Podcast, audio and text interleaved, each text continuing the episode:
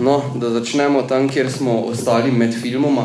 Uh, pa se mi zdi, da nisi do, niste dokončali uh, tistega. Nisem kaj?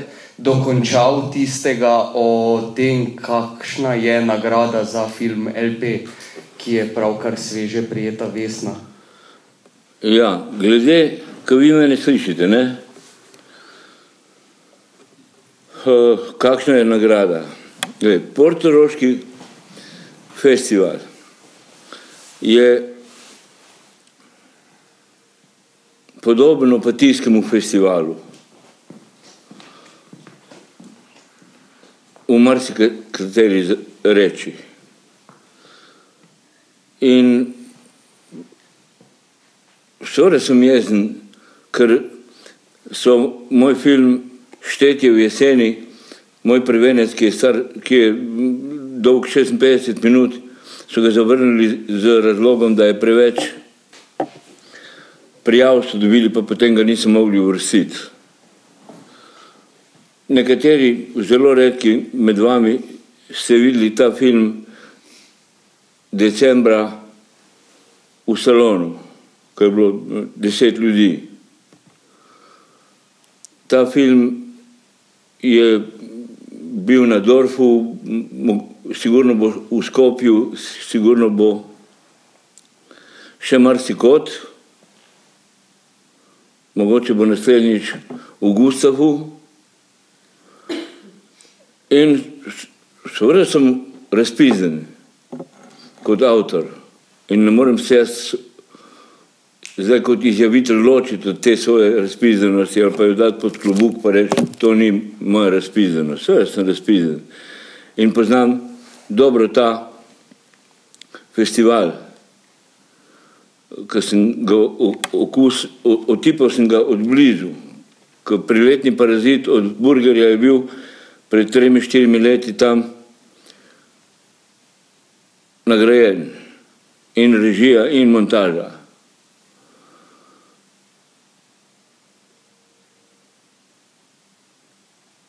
Portoroški festival je srednje točna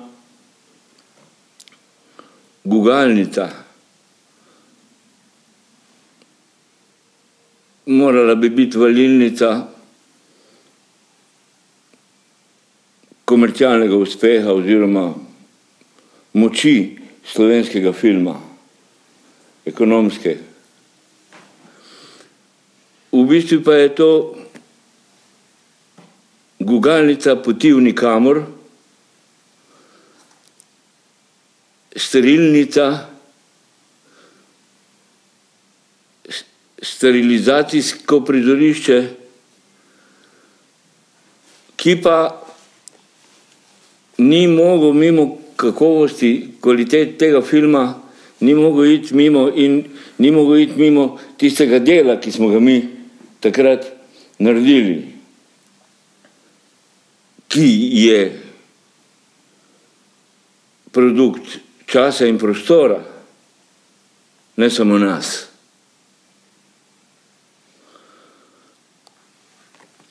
In so potem dali eno tako nagrado, tako kakor so na festivalih v Subotici meni dali za tri ženske, so, mi, so nam dali, prvo leto v Subotici so nam dali nagrado za aranžma, In drugo leto za dušo in jaz so dali spet nagrado za aranžma. To je taka vrsta te druge priznanja, ne? ampak ne v prvem planu, tako pač pomožnega priznanja. Uh,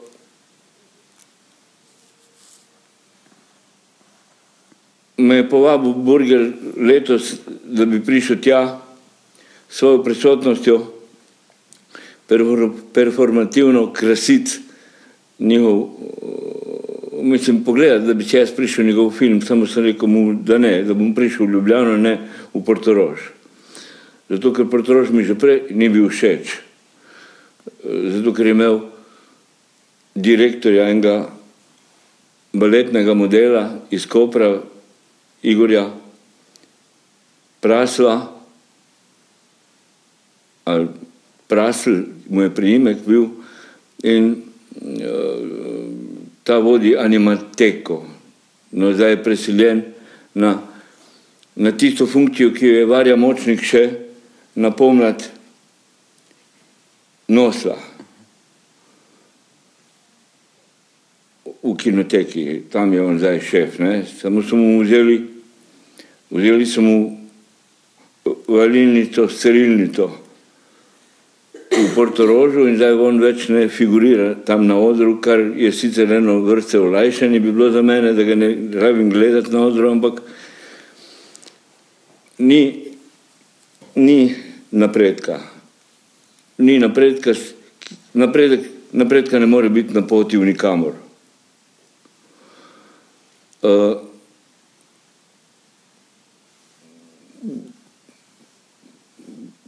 Portoroški festival je del celotne, odraz cel, celotne, bom rekel,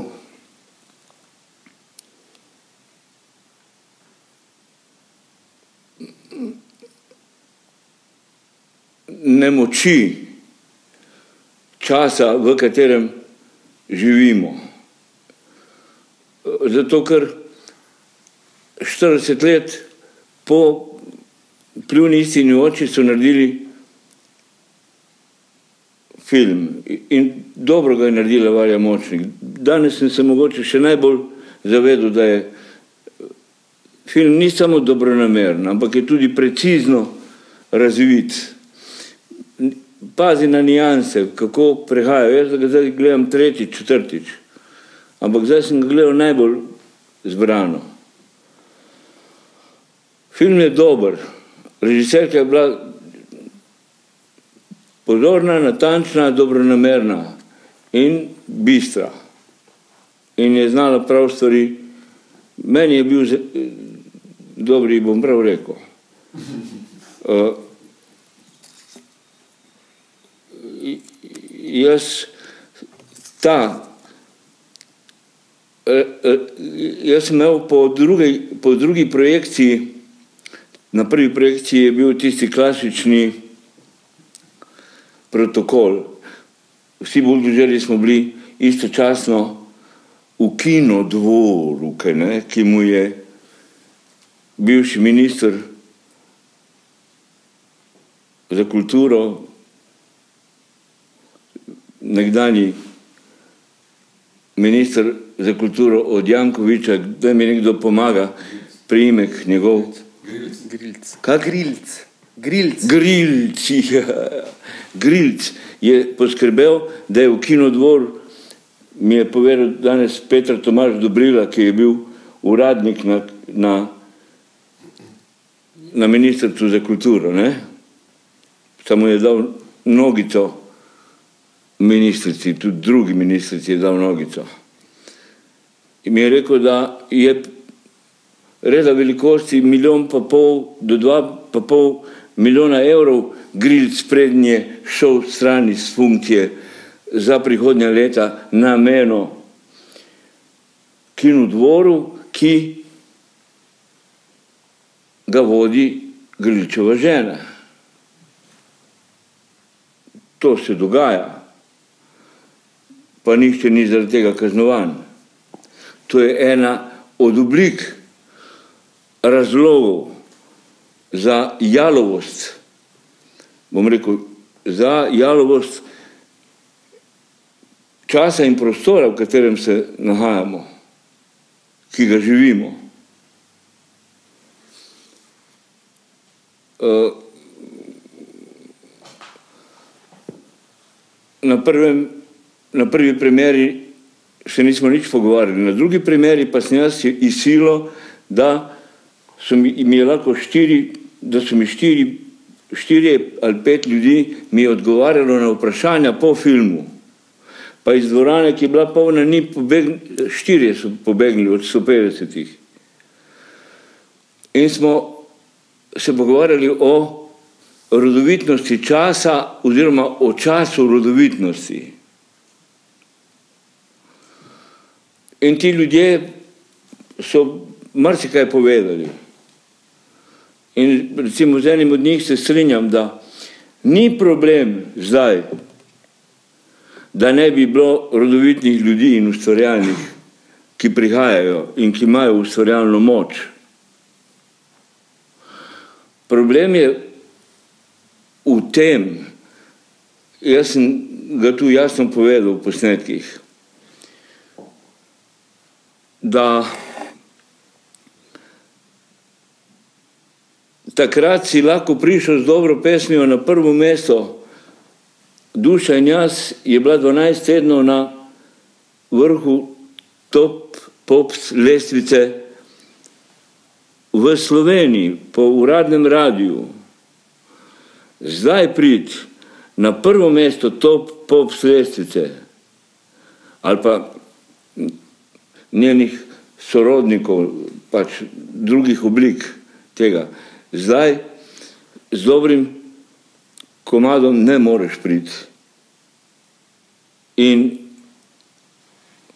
to je zaradi sistema odnosov, to je zaradi boljšega jutri, ki je izbruhnil samo za nekatere.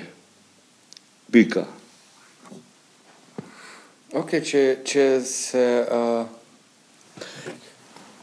Če se začenjamo, ustavimo, oziroma gledamo skozi to, da včasih se je dalo, danes se pa ne da več, kdaj je potem prišlo do tega premika, oziroma kje se je zgodil ta premik?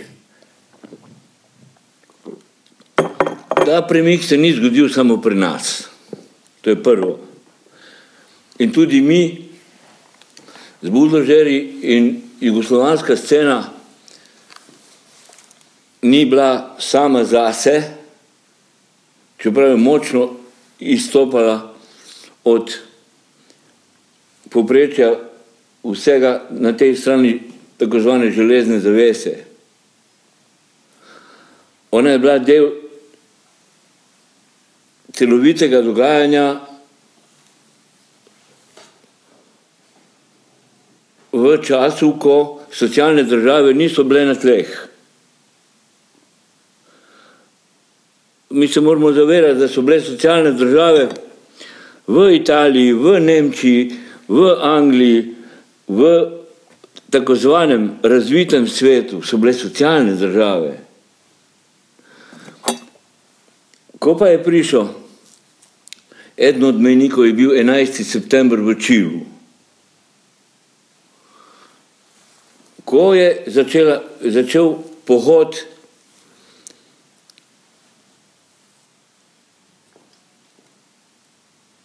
ekonomski genij ene, iz ene, mislim, ene od ameriških fakultet, ekonomskih, ko je, ko je ta genij navdihnil tisoče tistih, ki imajo.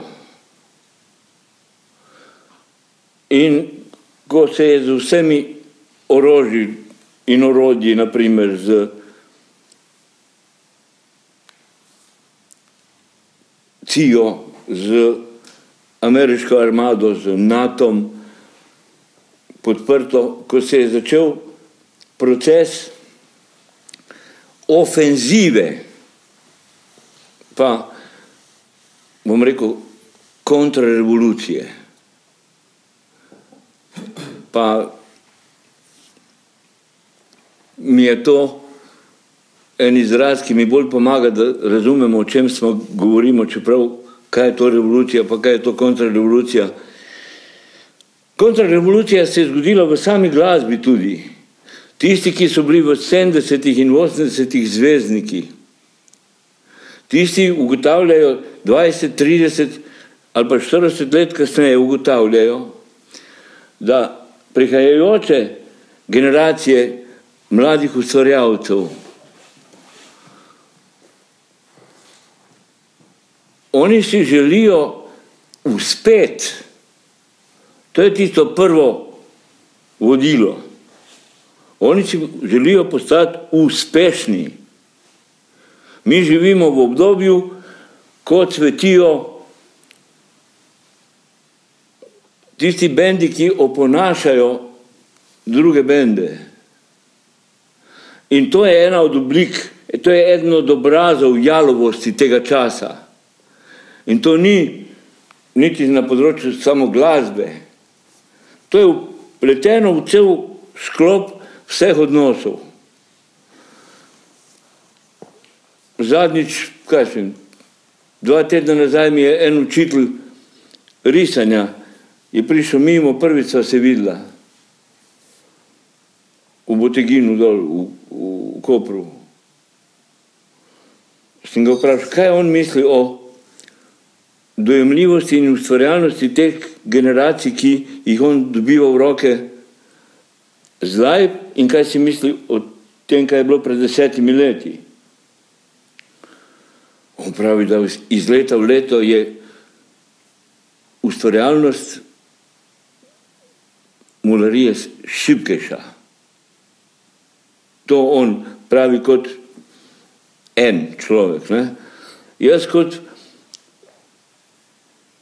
vece direktor Mladinskega kulturnega centra od leta 1991 naprej do leta 2015 na istem mestu, na Gregorčevi, kjer je zdaj Centr mladih Koper, ki je javni zavod pod veliko šapo palmitelja. Jaz sem opazil, da je ustvarjalnost že takrat, v začetku 90, da je ustvarjalnost italijanskih ansamblov šipkejša od slovenskih. Da je ustvarjalnost jugovzhodnih, neslovenskih, še močnejša od slovenskih. In potem smo skozi leta opažali, kako je slovenska ustvarjalnost se bližala italijanski. In potem kako se je tudi jugovzhodna ustvarjalnost bližala slovenski. In kako je pravzaprav pojemal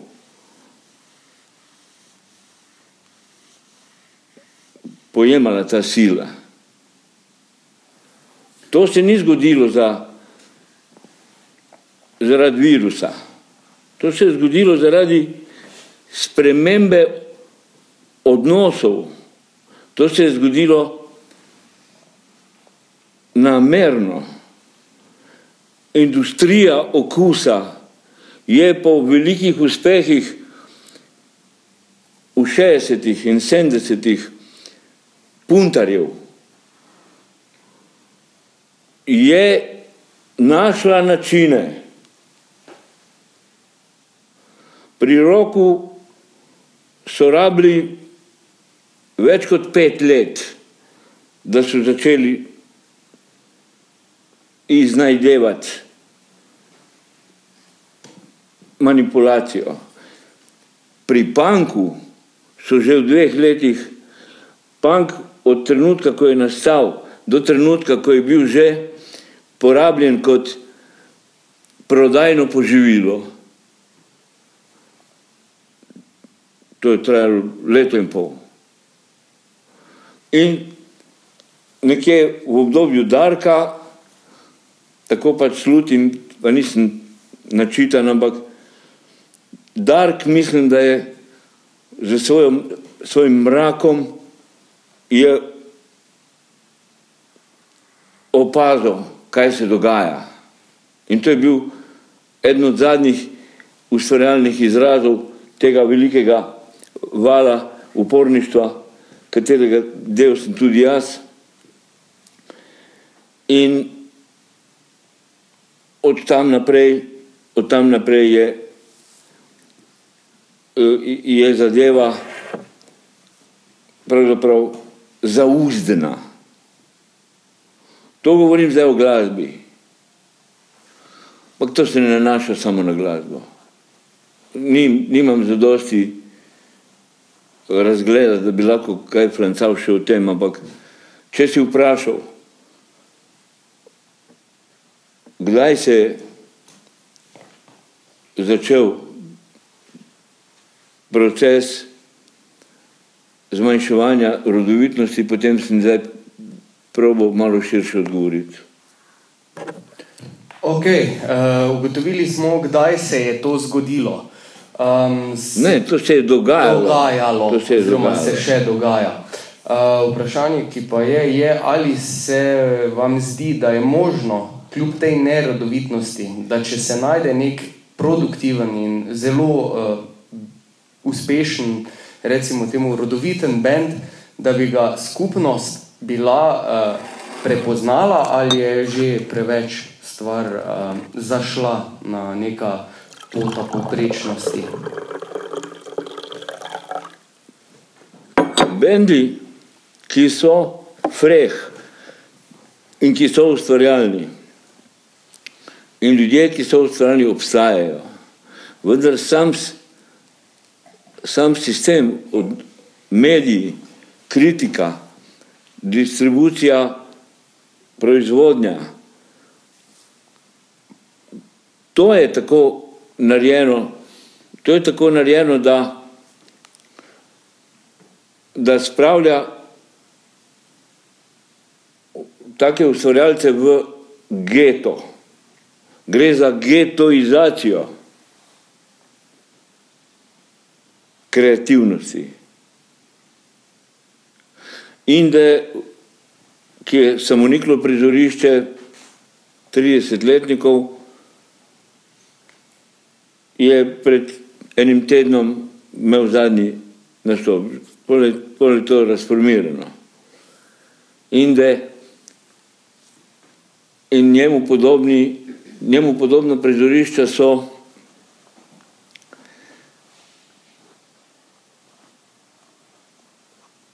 v sistem vgrajena, to sistem prenese, to sistem osami.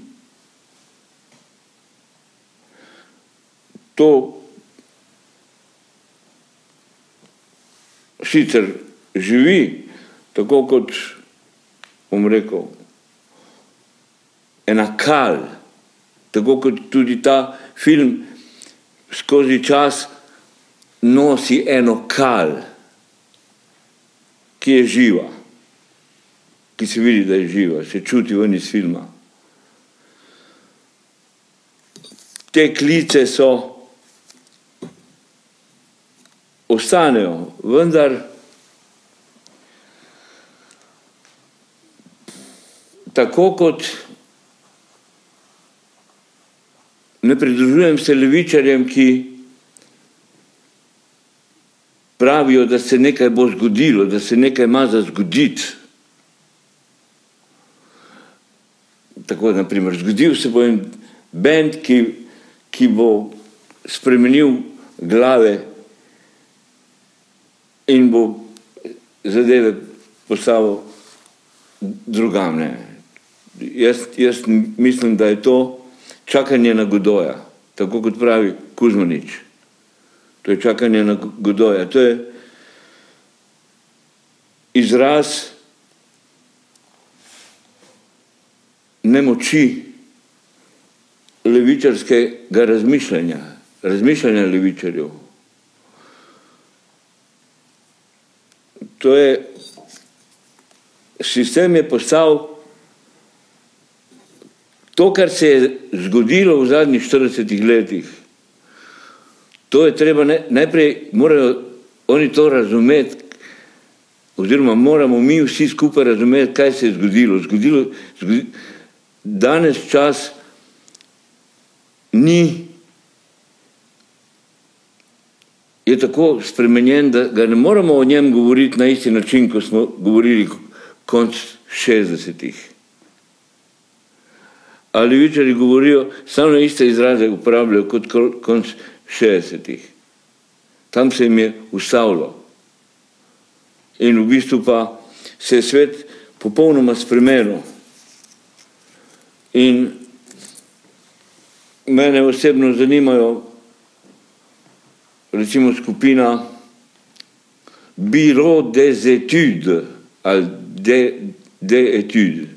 To ti niso nič glasbeniki, ti niso nič umetniki. Oni kot en trust raziskovalcev po internetu z potovanjem, z zbiranjem podatkov, oni ugotavljajo, recimo naredijo lekcijo o tem, kako so razpadli Jugoslavijo, kako je bila razpadena Jugoslavija.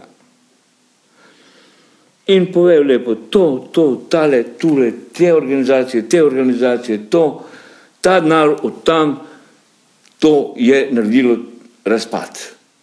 Isto tako govorijo, so naredili etido za Irak, prvič pa Irak, drugič pa za Libijo, pa za množ velik niz tega, teh korakov lomastenja. In to, me, to mene kot, bi rekel, kot štran je rekel, da jaz še vedno nisem nehal uh, zasedbe filozofske fakultete. Res je, to ima prav, čeprav ga še kar mrzim. Uh, ker polovi, polovičar, levičar, ker je ena mlačna juha. Samo je bil, tu mu moram dati prav. Verjetno je to res. Eh, verjetno je prav zadev. Name je to vplivalo, tisto, tisto je bilo leta 71, 72, spomladi, takrat smo hodili, pet tisoč nas je bilo mogoče in pol smo sedeli pred, pred parlamentom in smo peli hipijsko pesem We shall overcome. Jaz, če se navizujem na to, we shall overcome, jaz sem vernik upanja, verske skupnosti, ki se ustanavlja, vernik upanja brez razloga. Ok, toliko sem hipi, toliko sem ostal hipi. Uh, naprej, hvala, pika. Ok, um, ja. Če se ustanavljajo cerkve in uh, razna politična gibanja, ena so stalnica in vaša, uh, vaša borba z palmosaditeljem oziroma popal, opalmovalcem, kot ste ga Palmitelj. Palmitelj, pardon, um, še kar traja. Kakšna je situacija trenutno v Kopru? Poleg Indeja, ki so ga izselili. Palmitelj je v premoči. Pal, palmitelj je v premoči. Da vam povem eno en primer. Tam v Kopru je ti, še vedno Tito trg na sredi Kopra, velik, največji. In se izliva v, v Čevljarsko ulico, ki je bila pred stoletji izjemno obljudena. In takoj na levo, če greste iz Titovega trga po Čevljarski, so eni oboki in tam je stara loža. Stara loža. Nova loža je gleda na cel trg. To so oboki večji, ampak so starejši. Ti, mislim, so mlajši, ti so starejši. Teh obokov ni, niso genovežani porušili v Beneško genovežanski vojni, ko so prišli do Kopra, Koper ni imel obzidja, ker so mu ga podrli Benečani in so ga oropali in porušili so 85% vseh zgradb. In tista stara lođa je imela isto funkcijo kot ta nova lođa. Mestna smetana se je tam zbra, zbirala. Ne? In ta stara lođa v njej, ker jo je imel en privatnik v lasti, sem jaz v zadnjih petih letih recimo 200 krat pev, igral ali pa performiral. Zato, ker me od tam niso smeli, redarska služba me ni smela pregnati, zato ker to ni, bil, ni bilo njihovo zemljišče. Razumete? Ni bilo njihovo zemljišče in zato niso mogli priti k meni, da kje imam uporabo za javni prostor, če pa to ni javni prostor. A tisti, ki je bil lastnik, mene ni gnal stran. No, tako zvani levoidi, jaz jih kličem, oziroma levičari, oziroma buržoazna levica, meščanska, malomeščanska levica je skočila v luft, kako bo prišlo do prodaje tega prostora da bo padel spet v, drug, v privatne roke drugega, a občina je izjavila, da nje predkupna pravica za ta prostor ne zanima. In so naredili peticijo in so tam dežurali in so imeli ogromno medijske podpore in potem je prišla, prišla licitacija oziroma prodaja in je občina kupila. In zdaj imamo situacijo, da tile, ki so silili palmitelja naj kupi to, da, da bo šla ena dragocena dediščina kulturna v privatne lo, roke, da si to kopr ne bi smel privoščiti, ne? Tisti jim je odgovoril sledeče. Pa kaj vi mislite, kakšna bi bila cena tega, kar smo kupili, če bi mi izjavili, da hočemo imeti predkupno pravico? Ha? Kaj vi mislite? In jasen je odgovor, da bi bila pred, prva cena, ki bi jo postavili, bi bila višja. In jim je zaprl gobce in jih je naredil bebce, a ovi lahko tudi plešejo folklorni ples levičarjev, zmagali smo, pa rečejo, ja, smo prisilili občino. On je v bistvu pred svojo volilno javnostjo izpadlo frajer. Ena nula. Palmitelj spet vodi. Palmitelj je bil v Mariboru pred tremi dnevi in ga je tudi dobitnik bataljonovega krožnika, od pohorskega bataljona, ki smo imeli prečerajšnji konferenco, ki je pes ni povoho, medijski pes odločevalski pes. Uh, mi smo Fištrovcu dali, podelili, samo nismo mu ga še predali. To je moj drek na krožniku, ki je narejen kot skulptura in je iz in prvič sem ga, ta drek sem prvič prenesel v kiblo ki je posvečen kostički, ki vodi kiblo, ki si pod, pod gavnarjem, kanglerjem, ne, si ni upala najaviti mojega performansa s polnim imenom. Jaz sem rekel, demokratičnemu despotu kanglerju si ni upala najaviti, niti na internet si ni upala najaviti tega. In jaz sem potem se usedel v MKC-ju na školko, sem si obesil fotoaparat, sem se posnel in sem prebral njen mail in sem se ustral na tisti krožnik in potem sem ta krožnik prenesel v Maribor, ampak je bil dobro zavit, dobro zavit in sem ga dal hladiti k njihovi pijači, ne? In sem prosil en ventilator, da mi pa so imeli ventilator in potem, ko smo pokazali ta video, sem potem šel po ta krožnik, sem odgrnil tisto plastiko črno in sem z ventilatorjem seval v občinstvo noter ta von, ne? In, ampak samo iz humanitarnih razlogov, samo 30, 30 sekund, ne? in potem sem zaprl nazaj in sem hitro laufal ven in sem dal nazaj v kombi in sem videl, da so že vsa okna v kibli so odprli. Ta, ta performance se kliče prezračanje kible. Ne? In po tem performancu, po tem performancu je narejen odtis, mati je narejena ne? in otroci so odtisi mojega, tega že malo razpadnega, prevoženega Koper, Maribor, nazaj v Ljubljano, ne? in ampak so, je, je dober, ta krožnik so dobili do zdaj. Zoran Jankovič,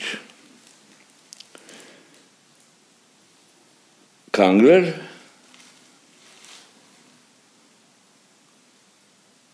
potem je Boris Popovič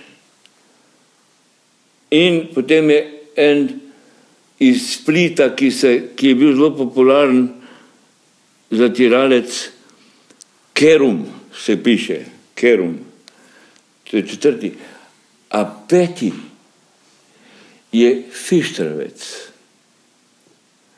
In podelili smo mu ta peti krožnik že pred tremi leti, čim je obračunal z Rajičem, ki je delal na kulturi in z njegovo ekipo. Čim smo to videli, se pravi, s tistim človekom, ki je zahteval kot član občinske uprave, da podpiše župan izjavo o pravilniku o obnašanju, ki zavizuje ne samo člane občinske uprave, ampak tudi župana, če je podpisal to. A to pa je, da mu, bojo, da mu bo javna, jedro tega pravilnika je, da mu mora biti javna korist tisto, kar je najvažnejše. Niti beseda nadrejenih mu, mu ne sme biti nad javno koristjo. In ko je Rajč videl, da se Fištravec tega ne drži, Rajč ni po župi priplaval, ne? Rajč je bil 20-30 let v občinski upravi, ali pa vsaj 20. In je videl točno, kaj so manevri Fištravca, ki je priplaval na površje po Kanglerjevem zrušenju. E, ko je Rajč to videl, je začel kaj dajati. In potem je seveda cesar, Fištravec, ukrepal tako, kako je pač premišljeno in zahrbtno. In zato je on zaenkrat peti. In to pa, da je prišel naš palmitelj, naš pilot demokracije, mislim, pilot demokracije stranke Avion, ki je on je ustanovil stranko Avion, zato da je lahko pomagal Janši. Zdaj, v tej stranki Avion ni več nikjer nič, to se nišče se več ne spomni, samo Brecel to ponavlja, ne. Pilot demokracije stranke Avion. Ljubitelj lepih žensk in hitrih avtomobilov ter obratno. Se pravi, ko je ta človek se odločil, da si bo naredil predvolilno kampanjo za lokalne volitve na ta način, da bo šel kandidirati za predsednika republike, predsednika republike, ker to ni nič drugega kot predvolilna kampanja. In mu je Fištravec dal svoj žegn pred tremi dnevi tu v Mariboru. Oblečen v nogometni dres. Kaj? Oblečen v nogometni dres. Še lepše. Glej, še lepše. Glej, ko se je to zgodilo, potem je, se je izpostavilo, da je jasna tista srpska čmarovi se udružuju. Čmar, to so dančne odprtine. To je čmar. Čmarovi se udružuju. E pa, mi smo jih dali v isto kolekcijo že pred tremi leti. Točno. Zdaj se je pokazalo, da spadata skupaj. Pika. Ok. Uh, omenjate ustanovo pohorskega bataljona, ki je se stankovala te dni v Mariboru. Uh, kaj počne te dneve oziroma te mesece ustanova pohorskega bataljona? Mm. Ustanova nevladnih mladinskega polja, pohorski bataljon,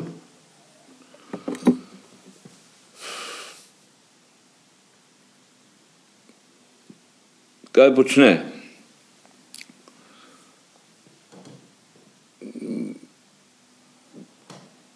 Najprej bom rekel, s čem počne. Počne to z, trenutno leto z osmimi tisočaki. Osmimi tisočaki evrov, sedem tisoč evrov, nekaj takega, sedem pa pol, osem, ki jih je preborila Mojca Selak, anarhometalka, 33 letna, zato ker zna vodoravno in navpično pisati dobro in je izvohala načine, da so nam potrdili ta denar,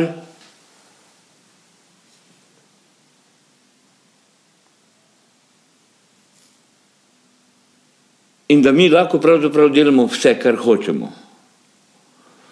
Seveda bojo to sčasoma ukinili, ampak recimo to, da zdaj jaz govorim vam, to bom jaz napisal lepo, da na do dogovor in ona bo to prepisala priporočilo in bo rekla, da je to bil agitacijski nastop. In vi, ki ste priče tu, ne boste mogli reči, da to ni bil agitacijski nastop. To je bil agitacijski nastop, jaz upam, da bo da tam generalni direktor Brumen, da, da bo, da to registrira, ne? upam, da registrira. Ne? Uh, se pravi, mi na vsakem koraku z vsemi na različne načine, tudi s tako konferenco, ki smo naredili v Gustavu, mi poskušamo delovati, podpiramo pa, recimo, da ne bom predolg, ne, in zaključujem, podpiramo pa take ljudi, kot je Željko Pelicon, nadsmrtni tajnik Huda France Prešern, ki že 25 27 let kot tajnik vodi Kud France Prešern in ga zdaj trenutno prodaja nepremičnino Kuda z močno načetim zdravjem. In ob tem si nalaga delo, ki ga težko prenesejo 30 let stari ljudje in je tri, tri tedne na pred tremi, tremi, štirimi tedni, ne, pred ajde, šestimi tedni je, samo zato, ker ga je možganska kap zadela med delom, med ljudmi, je še živ. Zadelo ga je gor v pisarni in čez deset minut je nekdo ga prišel iskat, on ni mogel govoriti. In so poklicali, in čez pol ure je bil na operacijski mizi, čez dve uri in pol pa je prišel k njemu, taki ga je operiral, taki mu je zabodil sondo spode pod dimljami, pa do možgan, pa tam so mu razstopili čep, je rekel mu, čestitam vam, drugič ste se rodili, ker Zamašek je bil tako velik, da ne bi preživel, če ne bi bilo to hitro. No, temu željku Peliconu, ki dela na samoniklem prizorišču 27 let in je star 62 let, s temi prekletimi sedmimi tisočaki, dajemo pol zaposlitve. In on, dokler ni bil pol zaposlen, Pri bataljonu on ni bil nikoli zaposlen, ker je radodaren, ker je ustvarjalen. Se pravi, mi večino tega denarja dajemo njemu, ki je ustvarjalen in radodaren, a mi vsi ostali, vse različne veje akcij izvajamo brezplačno. Zato, da lahko enega ustvarjalnega človeka in radodarnega podpremo, ki je ključen in pomaga v prodajno stečajni fazi kot France Prešern in ga prodaja enemu Rusu oziroma enemu Ukrajincu, ki ima denar in bo to kupil za 650 tisoč evrov dolga, bo kupil zide, ki jih je hotel kupiti lopov, legalni lopov, Zoran Jankovič je hotel to kupiti za 250 tisoč evrov. In potem seveda vplivati s financiranjem na to, kaj se bo tam dogajalo. In zdaj se to ne bo zgodilo. In tu smo cesarja Jankoviča zajebali in zdaj bo tam nastal recimo vse slovanski kulturni center, kjer bojo kulovci in tudi drugi samonikli lahko bistveno vplivali pri in njegova tradicija, ki vsebuje element socialno in medgeneracijsko, ta element, oba ta elementa bosta ostala noter. Moče je bilo preobširno, ampak odgovoril sem na vprašanje, kaj počne pogorski bataljon. Ampak ti odgovorim še eno vprašanje, ki ga nisi postavil. Zadnje, kar je naredil, je bil fotosession, ki smo ga naredili po konferenci in so bili sami levičari, en krščanski socialist je že spizlo, ki je predaval, tako da ga ni zdravo, ampak sami levičari so se postavili v vrsto.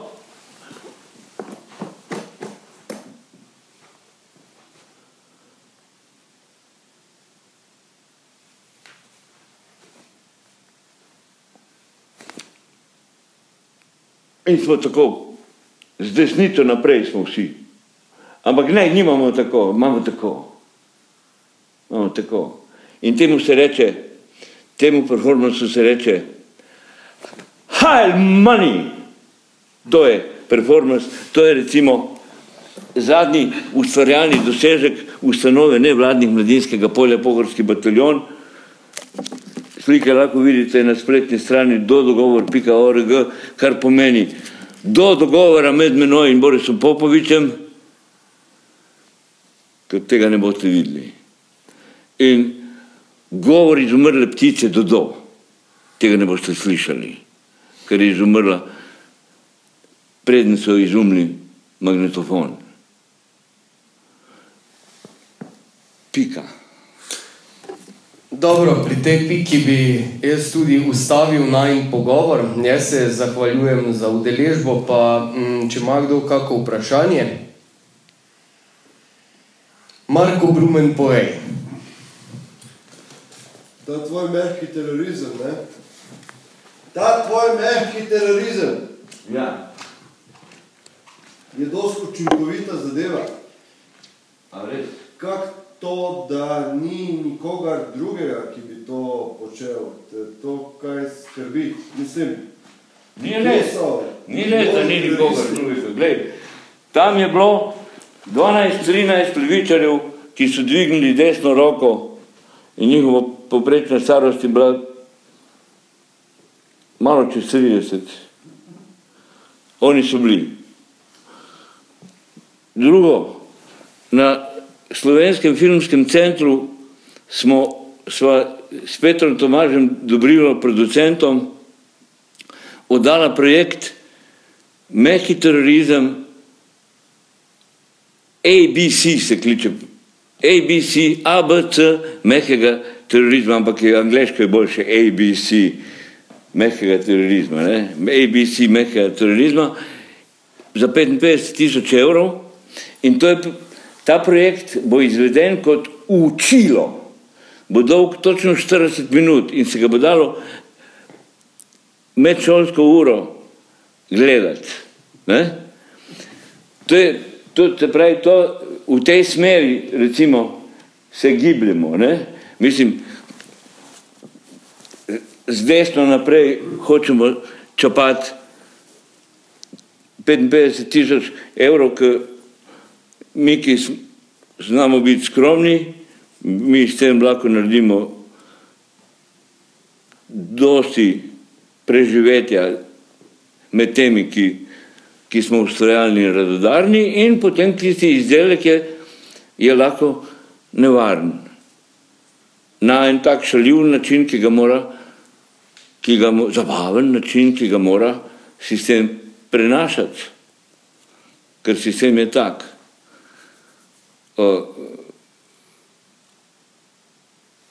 Pa ni res, da zadnjič sem bral, mislim, zadnjič je prišla novica do mene, da je en v osnovni šoli učiteljici fukno jajce v glavo. To je tipično mehko teroristično dejanje, jaz ga moram prav najti tega mladiča in mu, mu bom dal nagrado za to dejanje. To je mehki terorizem.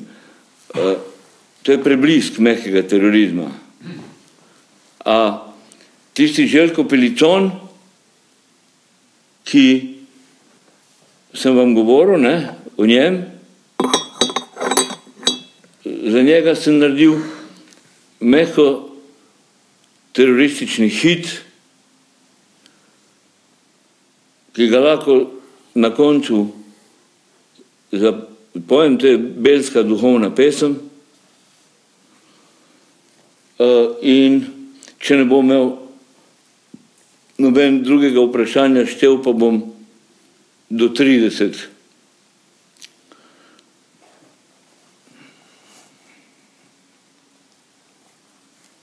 No, če ima kdo kako vprašanje, se naj najde.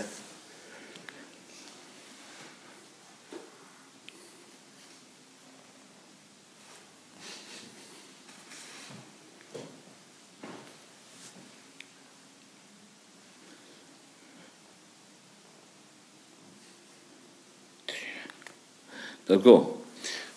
Uh,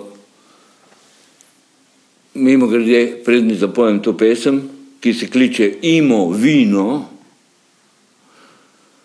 to je umetniško ime od Željka Pelicona, zato ker on je posodo, je na hipoteko dal svoje stanovanje, ker predsednik od Kula, ki je dal na hipoteko svoje stanovanje, se je odselil iz Slovenije na nizozemsko, verjetno zato, ker so mu tulipani všeč. Ne? In ker je tu pri nas za sposobne in ustvarjalne ljudi toliko, toliko prostora za zaposlitev, zato se je on odselil tja z družino.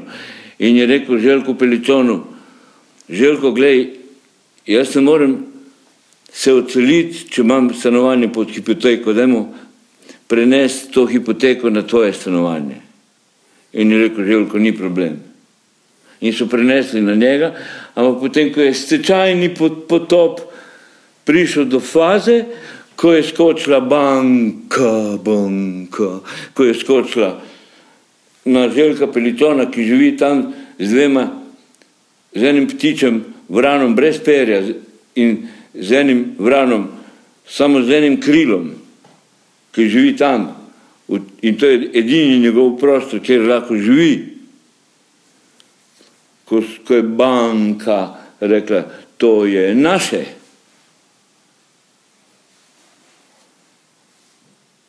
Je bil trenutek, po katerem sem jaz napisal to pesmico, ki vam jo bom zdaj, če imate toliko še moči, vam jo bom izvedel. Če imate, če pa ne, pa drugič. Ok.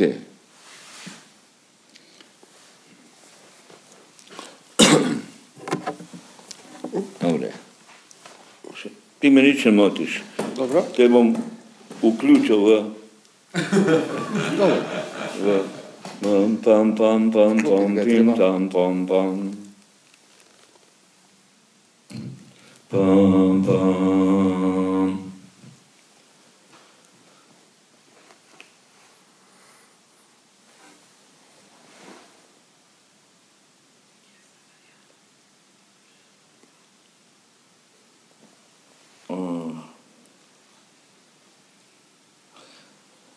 Len zamislit dolg za res, šel boš v Afriko tja čez, tam so cene nevisoke, juga so moči globoke.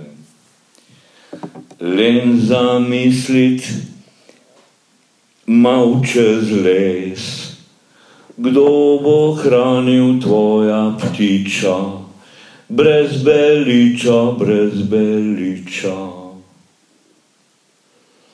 ko boš na oddihu, svoja boš družiča, od božiča do pomladi, pustil nam v brigo ptiča. Len zamislit v svoj prid, pojdi malo se solit, potuj, potuj med zamorce, leti k svojim južnim ptičem, ki ne romajo na sever, ki ne vejo, kaj je sneg. Len zamislit zen budist, srečno hodi komunist, vrni zdrav se v domovino, ki si dal ji imovino, imovino, imovino, imovino, imovino. To bi bilo vse.